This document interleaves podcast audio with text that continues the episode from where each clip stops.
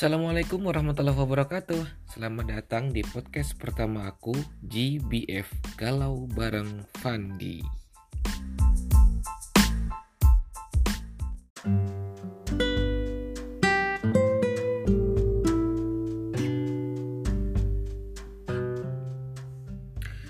Oke, yang pertama aku mau kenalin diri dulu nih.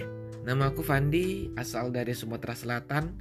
Tapi aku asli orang Jawa Atau biasa disebut dengan Jombang ya, Jawa Palembang Aku seorang perawat, sekarang kerja di salah satu rumah sakit yang ada di Osaka, Jepang Hmm, untuk sementara perkenalannya batas itu dulu ya Soalnya nanti aku mau bahas lebih panjang lagi tentang gimana sih uh, bisa kerja di Jepang sebagai seorang kapiten, eh seorang kapiten, seorang perawat maksudnya. Karena banyak banget nih teman-teman yang nanyain tentang proses itu gitu. Selanjutnya masalah podcast. Kok nama podcastnya Galau bareng Fandi sih? Kenapa? Kenapa nggak curhat bareng Fandi misalnya? Kenapa harus galau gitu?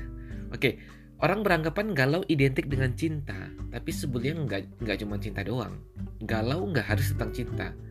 Galau itu sama kayak gelisah aja.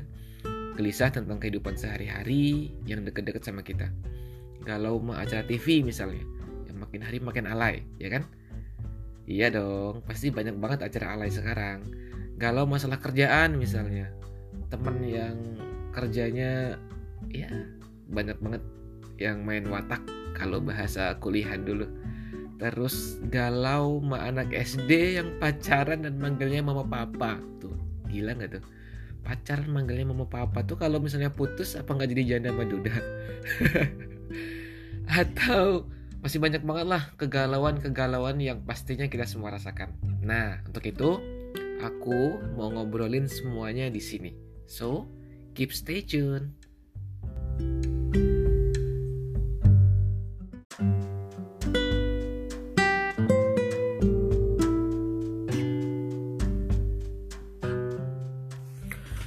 Yang pertama, aku mau bahas masalah apa ya?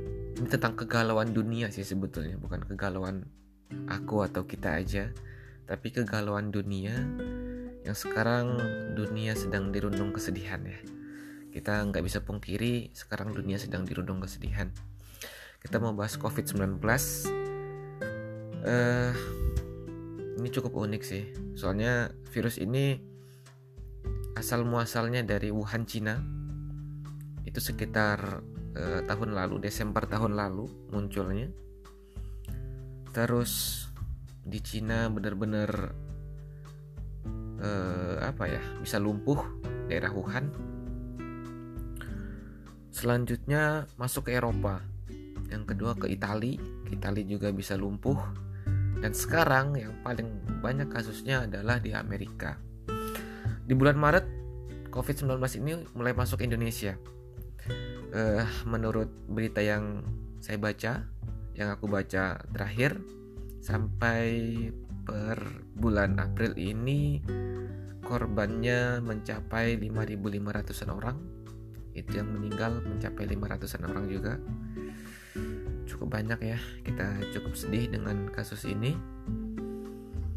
Terus untuk di beberapa daerah itu sudah masuk PSBB eh, atau lockdown, lockdown atau apa ya kalau di Jepang itu namanya Kikyujitai Senggeng atau apa ya kayak ya karantina wilayah lah gampangnya. Itu di beberapa daerah udah menerapkan seperti itu. Pertama kali Jakarta kalau nggak salah ya pertama kali Jakarta. Di Jepang juga mulai minggu lalu itu udah masuk eh, status darurat nasional.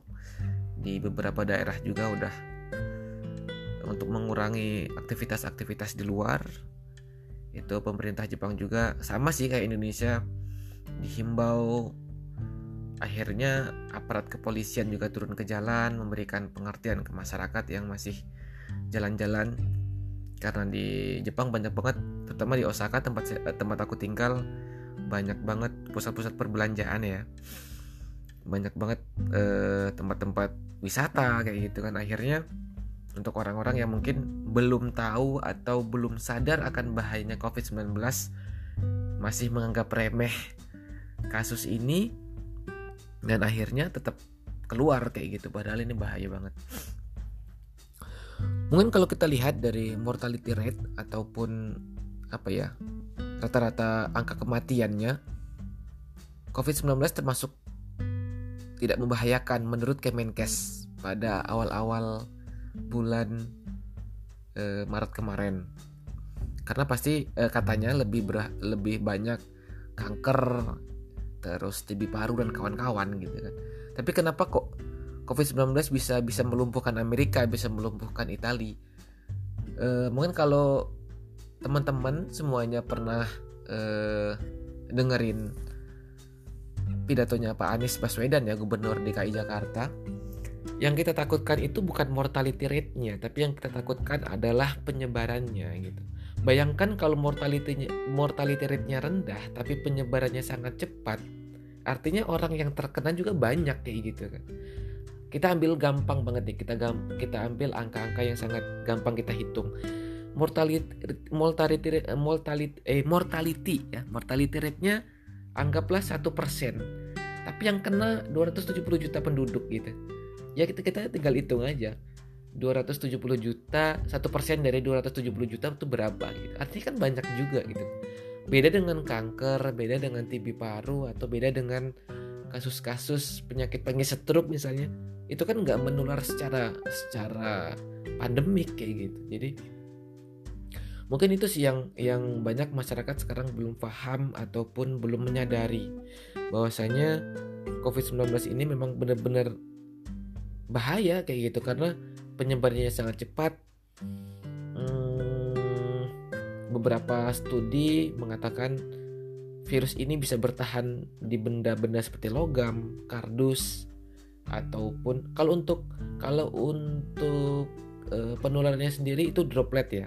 Jadi dia bukan bukan airborne tapi droplet. Artinya dari jarak dari jarak satu meter kurang dari dua mungkin jarak amannya 2 meter sih nah kurang dari jarak itu mungkin bisa bisa berpotensi itu menularkan atau kita tertular. Makanya disarankan untuk social distancing. Disarankan untuk bukan disarankan ya tapi benar-benar dianjurkan untuk memakai masker untuk sekarang.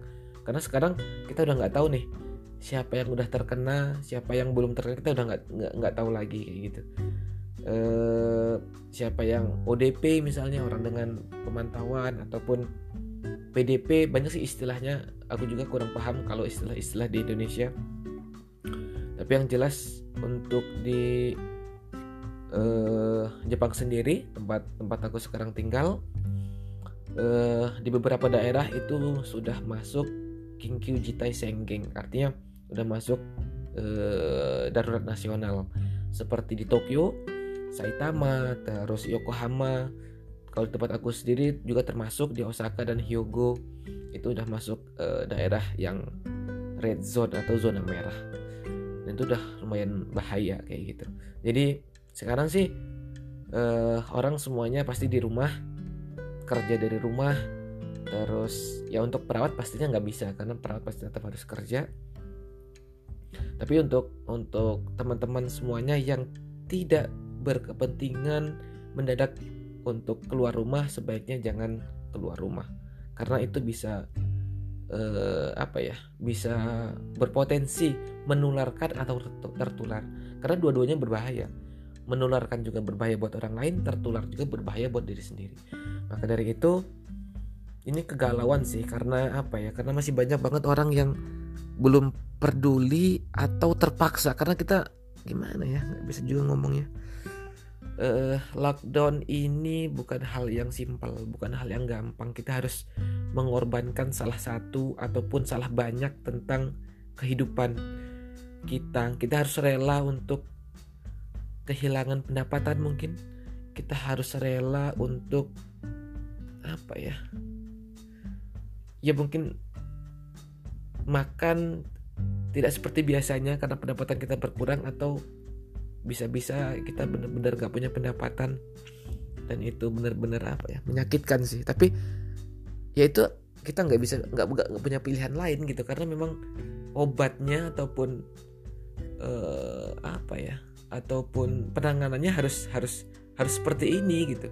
Untuk memutus rantai penularan gitu. Jadi apa ini benar-benar kegalauan nasional kegalauan dunia bukan kegalauan pribadi dan salah satu kegalauan yang aku rasakan ya sekarang aku gak bisa pulang gitu. Rencananya lebaran mau pulang tapi karena adanya covid-19 ini eh, kemungkinan aku bisa balik ke Indonesia tapi untuk balik ke Jepangnya itu banyak banget persyaratan. Salah satunya harus di karantina dua minggu harus tes PCR dan lain-lain sebagainya. Jadi aku putusin untuk untuk kebaikan diriku dan keluargaku juga. Aku putusin untuk uh, membatalkan kepulangan pada lebaran tahun ini dan terpaksa tidak bertemu dengan keluarga. Ya gitu gitulah pokoknya. Ya mungkin masih banyak banget teman-teman yang yang kena dampaknya dari covid-19 ini. Nggak bisa pulang ataupun nggak bisa melangsungkan uh, acara pernikahan mungkin yang mau nikah. Asik. Yang mau nikah ya. Yang yang belum nikah jangan galau. Santai aja. Yang mau nikah ataupun yang mau punya hajat yang lain misalnya atau sunatan atau apa masih banyak banget hajat-hajat kalian yang tidak terpenuhi atau udah punya rencana mau mau jalan-jalan nih? Karena ada covid-19 kayak jadi. Itu bukan bukan satu dua orang pasti di seluruh dunia ini merasakan hal yang sama. Jadi ini kegalauan kita bersama tapi kita mudah-mudahan kita harus semuanya harus berdoa mudah-mudahan COVID-19 ini cepat berlalu.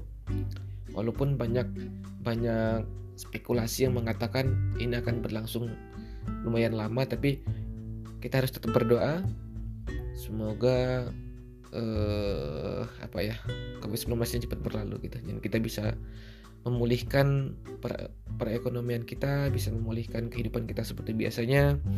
Kita bisa ketemu lagi dengan orang-orang yang kita sayangi ketemu dengan orang tua ketemu dengan kakak ketemu dengan adik ketemu dengan kakek nenek dan segala macam.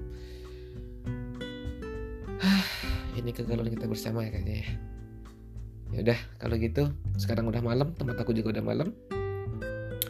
Mungkin itu kegalauan pertama kali. Nanti kita bahas lebih dalam lagi perbedaan penanganan COVID-19 antara Indonesia dan Jepang. Ini bukan bukan membandingkan mana yang baik atau mana yang buruk tapi sekedar membandingkan oh ternyata pemerintah Jepang seperti ini loh pemerintah Indonesia seperti ini loh kayak gitu aja. Atau kita bisa juga membandingkan sikap dari masyarakat Indonesia atau sikap dari masyarakat Jepang maka dari itu tetap aja pantengin di podcast aku galau bareng Pandi thank you. Sampai di sini. Assalamualaikum warahmatullahi wabarakatuh